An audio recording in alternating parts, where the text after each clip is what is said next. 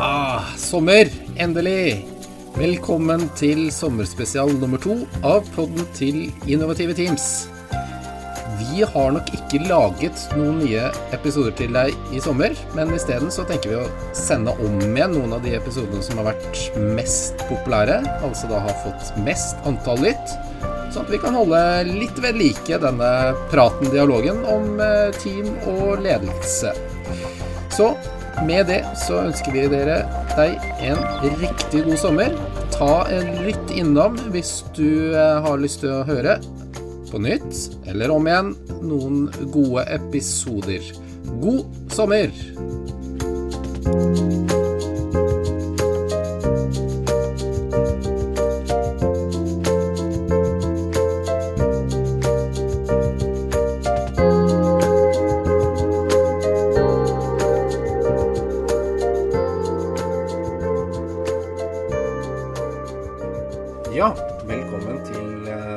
Sommerspesial episode fire.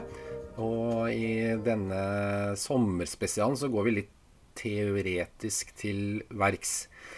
Og det som skjer, er at jeg leser opp en del kanskje litt sånn fagtunge tekster, da. Eh, dog i bloggformat, så jeg leser noen av de innleggene som har vært skrevet på bloggen vår i eh, noen tidligere eh, sammenhenger. Og denne episoden så skal vi se litt nærmere på endringsledelse, og da er overskriften 'Hva er endringsledelse?'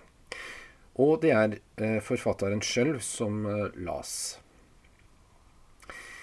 Hvis vi skal bli veldig filosofiske, som vi faktisk skal bli litt ganske snart, kan vi jo diskutere i det vide og det brede hva som er endring. Og ting blir ikke mindre komplisert hvis vi skal putte ledelses, ledelse bak. Allikevel skal jeg gjøre et lite forsøk på å si litt om hva endringsledelse er.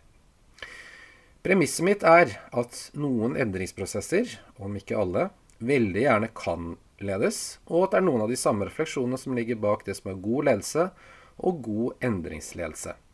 God ledelse er god ledelse, og dårlig ledelse er dårlig ledelse.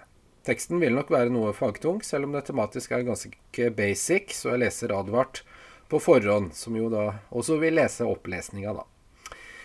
Så hva er egentlig endringsledelse? La oss begynne med begynnelsen. Hva er endring? Alt flyter. Sitatet handler ikke om vår tids stress og tidsklemme, men er hentet fra en av de store, klassiske greske filosofer, Heraklit. Sitatet peker på at alt er i kontinuerlig endring.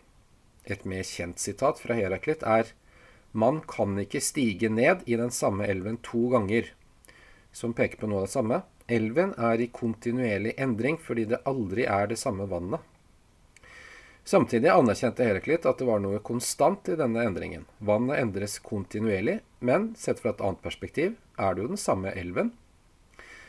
Parmenides var grunnleggende uenig med Heraklit. Han mente at endring kun er en illusjon, og at verden er uforanderlig. Det vi ser og forstår som bevegelse, er i virkeligheten satt sammen av øyeblikk, litt som TV-en vår setter sammen flere bilder per sekund for å illudere bevegelse.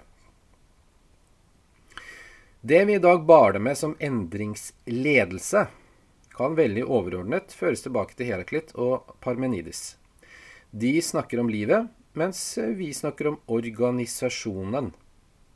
Vårt syn på endringsledelse formes av hvordan vi forstår organisasjonen. Forstår vi den som noe satt, strukturert og systemert?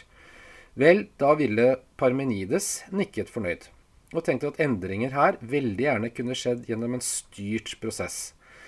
Såkalt top down, hvis vi skal introdusere amerikansk lingo, og ofte forstått under paraplyen change management. Det som vi i noen grad, i hvert fall faglig, har forstått som organisasjonsutvikling, organizational development, tilhører derimot Heraklit-landskapet.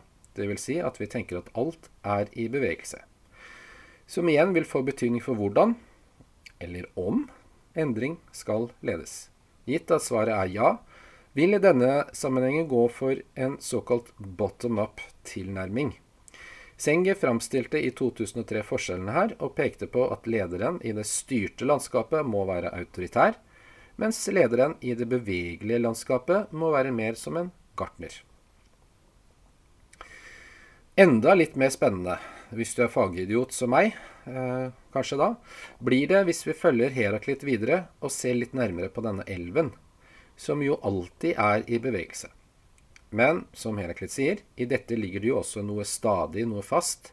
Det er en konstant i det bevegelige. Det kan vi kanskje oversette til at selv om du står stødig i Heraklit-landskap, kan det noen ganger være nødvendig med et lite fokus på denne konstanten som ligger i dette. Du kan lede endring, du kan planlegge endring, og du kan forstå endring. Så lenge du er innforstått med at du aldri vil ha kontroll. Det handler altså ikke nødvendigvis om å ikke planlegge, men hva du planlegger. La oss se nærmere på disse to overordnede tilnærmingene i mer endringsledelsesfaglige termer. Det er nemlig faglig sett også to ytterpunkter i denne sammenhengen, hvor den ene skolen framhever at endring kan styres, mens den andre skolen fremhever at endring må motiveres. Den ene skolen har en såkalt normativ tilnærming, hvor endring kan planlegges, utføres og implementeres. Den andre skolen har en såkalt deskriptiv tilnærming, hvor endring er noe som blir til og skjer kontinuerlig. Ledelse i den første skolen er mer som en form for politi, mens ledelse i den siste er mer som en form for gartner, da, som Senge sier i 2003. Dette har store likheter med også hvordan man kan se på strategisk ledelse. Se også tidligere bloggposter og episoder i podden. Og stammer i noen grad fra hvordan man forstår organisasjoner. Selvfølgelig vil det være mange tilnærminger som blander og slik sett beveger seg mellom ytterpunktene.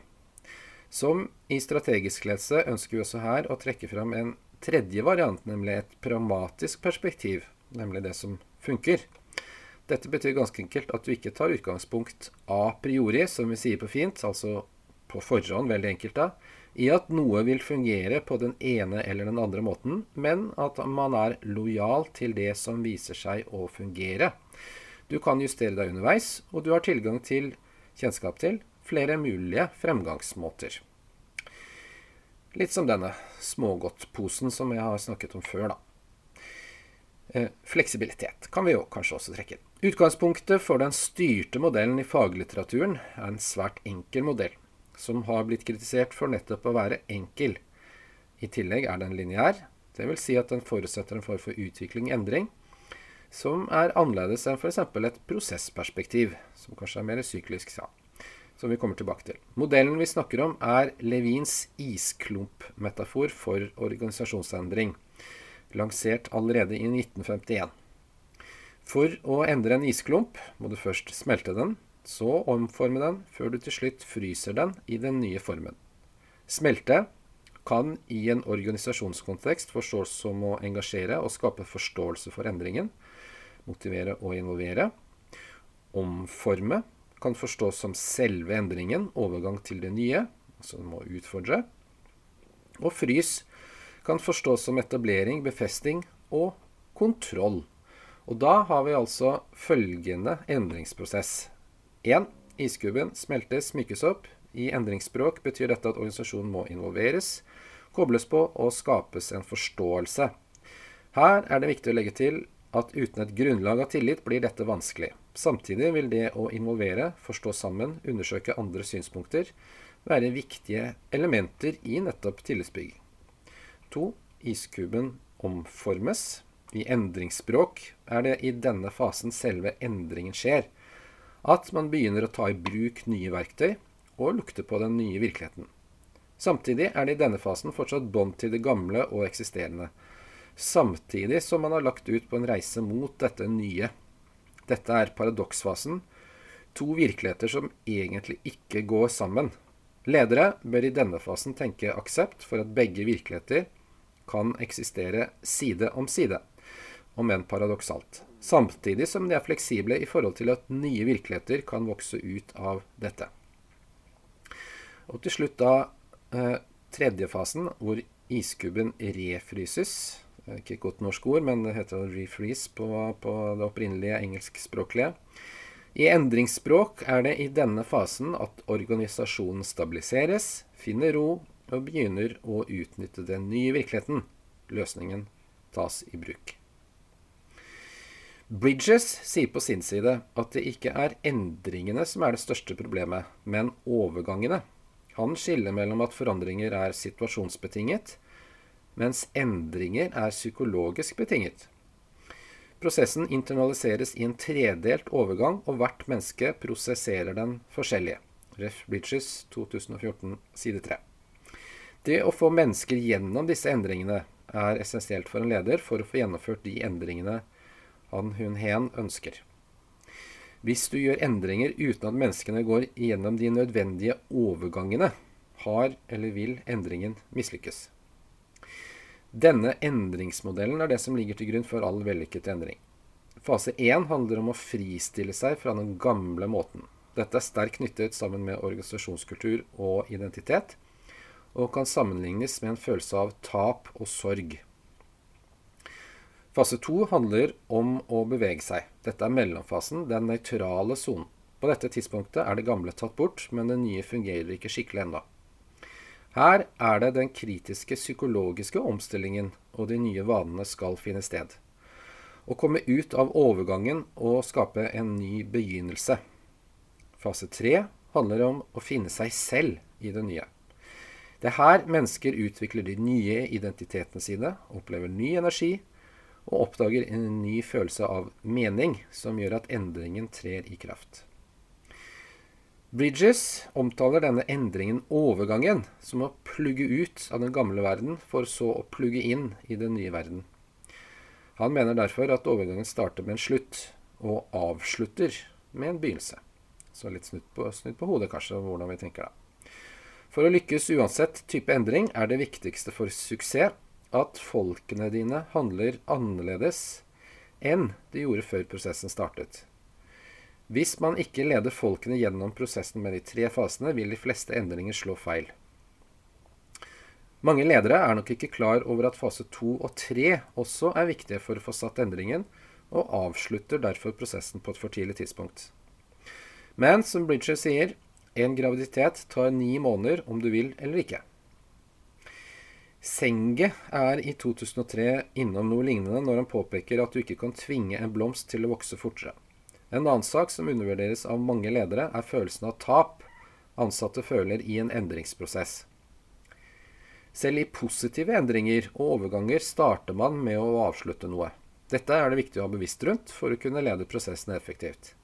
Tapet må anerkjennes som en del av endringsprosessen, sier Bridges. I den nøytrale sonen er det også en del følelser knyttet til endringen som kan oppleves noe konfliktfylt. Dette limboet på et psykologisk plan kan være vanskelig for medarbeidere å stå i. De ytre endringene er kanskje gjennomført, men på innsiden har man ikke avklart sin egen nye identitet. Bridges hevder videre at det da kan være fare for at man avslutter prosessen for tidlig.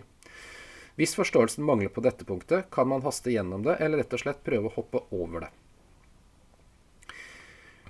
Levin, eller Lewin, vil nok være godt plantet i den normative skolen, mens Bridges gjennom sitt fokus på de mentale endringene, følelser og indre motivasjon fortsatt nok tilhører en form for eh, normativ skole, eller planleggingsskole, men med et godt øye for at det uansett er indre motivasjon som er det viktigste, og ikke styring.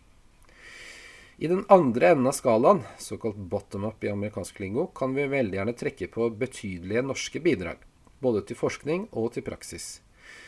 Her skal jeg først introdusere Levin og Klevs forandring som praksis, som med utgangspunkt i en aksjonsforskningstilnærming har utviklet seg til å bli et betydelig bidrag. Hovedessensen i denne tilnærmingen er samskaping eller samskapt læring. Vil si at en endring handler om et utviklende samarbeid mellom ikke bare ledere og eiere, men også ansatte. Som vi jo kan kjenne igjen som trepartssamarbeidet som en viktig bauta i norsk arbeidsliv.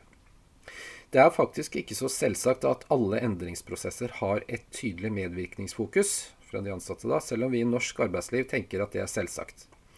Og selv om vi nok har strukturene i Norge på plass for å få dette til, vil det nok ligge mye kunst og praktisk klokskap fra lederes side i å få dette til å oppleves som reell involvering, og ikke bare spill for galleriet. Uansett, en aksjonsforskningstilnærming til prosess vil se slik ut, og da veldig overordnet. Nummer én diagnose, problemforståelse, som utarbeides i samråd med de som skal endre seg. Som er ofte produksjonsledd, den skarpe enden, eller også lavere deler av organisasjonen. Nummer to prosessen gjøres, skråstrek utvikles, gjennom et likestilt samarbeid mellom eksterne og da interne. Konsulenter, rådgivere og forskere som de eksterne. Nummer tre hyppige samarbeidsmøter, dialogmøter, hvor selve prosessen blir diskutert, analysert og fulgt opp. Fire, hvis noe ikke funker, f.eks. at det ikke oppnås engasjement rundt egen utvikling, endre punkt to og tre. Nummer fem, avslutning, som egentlig ikke er en avslutning, men en begynnelse på en videre utviklingsprosess. Utviklingsprosessen her blir gjerne assosiert med læring, og da læring for både eksterne og interne parter. Levin og Klev i 2012 kaller dette for samskapt læring, hvor fokuset er godt plantet i at all læring bør, eller kanskje til og med må, ha en rot i erfaring og praksis. Kolbs læringsspiral fra 1984 er sentralt, og siden læringen og utviklingen da starter med praksiserfaring, betyr dette et helt annet syn på bruk av teori. Teori er fortsatt viktig, men der hvor de andre tilnærmingene kanskje starter med ett eller annet syn på endring, altså da en teoriinngang, vil Klev og Levin heller ha oss til å benytte teori som et ledd i å forstå egen praksis. Koblingen mellom teori og praksis gjøres gjennom refleksjon og utprøving, slik at det blir en spiral som muliggjør utvikling. En slik måte å tenke endring på, som leder, gjør at du nok kanskje må tenke litt annerledes på sluttmål og resultat. De blir simpelthen ikke så relevante. Det som blir relevant, er derimot hvordan du som leder kan klare å skape mening, samvirkning og involvering i utviklingsprosessen. Altså, det kan jo være at det meningsfulle i prosessen er et tydelig og stødig mål, men det er det ikke du som leder som avgjør. En lur inngang i slike prosesser som leder er derfor at du åpner opp for at også du må forandre deg selv. Trond Kongsvik og Oskar Amundsen, som et annet betydelig norsk bidrag, lanserer begrepet endringskynisme. Begrepet de lanserer, peker på hva som skjer når endring påføres en organisasjon, eller en samskapes. Gjennom sin forskning finner de fem klynger av, oppfatninger som gjør at folk glir inn i en tilstand hvor de forholder seg da nettopp kynisk til endringsprosessen. Dvs. Si en form for oppgitthet, motstand, lavenergi. Litt som andre har kalt Bohika-syndromet, bend over, here it comes again. De fem klyngene er 1. Endring for endringens skyld. 2. Resirkulering av ideer. 3. Praksisfjerne løsninger. Fire manglende synliggjøring av resultater. Og fem pseudomedvirkning. Med et utgangspunkt i disse oppfatningene hevder de at en forankret endring kan oppnås gjennom 1. Prøving mot endringshistorien. 2. Endringer som bygger på praktisk kunnskap. 3. Endringer som svarer til opplevde behov. 4. Endringsprosesser med reell medvirkning. Og 5. Endringsprosesser som evalueres. Og hvis du har lyst til å vite mer, eller høre mer, om eh, både Klev og, og Kongsvik, så finner du tidligere intervjuer med dem i, eh, i herværende podkast. Så da er det bare å, lete opp dem hvis du vil høre mer om endring som praksis og endringskynisme. Den tredje varianten er å benytte det som funker. Og her kommer praktisk klokskap inn. Når skal man i gang med de store involveringsprosessene, og når kan man rett og slett bare si at man lar folk være i fred og bare gjør det de skal? Jeg var selv involvert som rådgiver i en endringsprosess en gang som handlet om digitalisering. De hadde prøvd i snart to år med brede prosesser, og de som skulle endre seg, var selv involvert, og det var høy grad av medvirkning. Men det var kanskje ikke så høy grad av samskaping, for det ble rett og slett ikke skapt noe som helst. Det var litt sånn at det ble med praten, og det var mye prat. De klarte rett og slett ikke samles om noen felles retning, og de forskjellige interessene ble ikke samlet til ett fokus. Prosjektleder og jeg besluttet etter hvert å gjøre noe drastisk. Vi kuttet de brede prosessene og plukket ut to representanter fra hver leir i gåseøynene, da. Vi valgte ut to unge gutter som ikke var hemmet i gåsehudene av gamle historier og relasjoner. Som vi mente da var noe av årsaken til at man ble hengende litt. Så lot vi disse to være sjefer og kjøre utviklingsprosessen.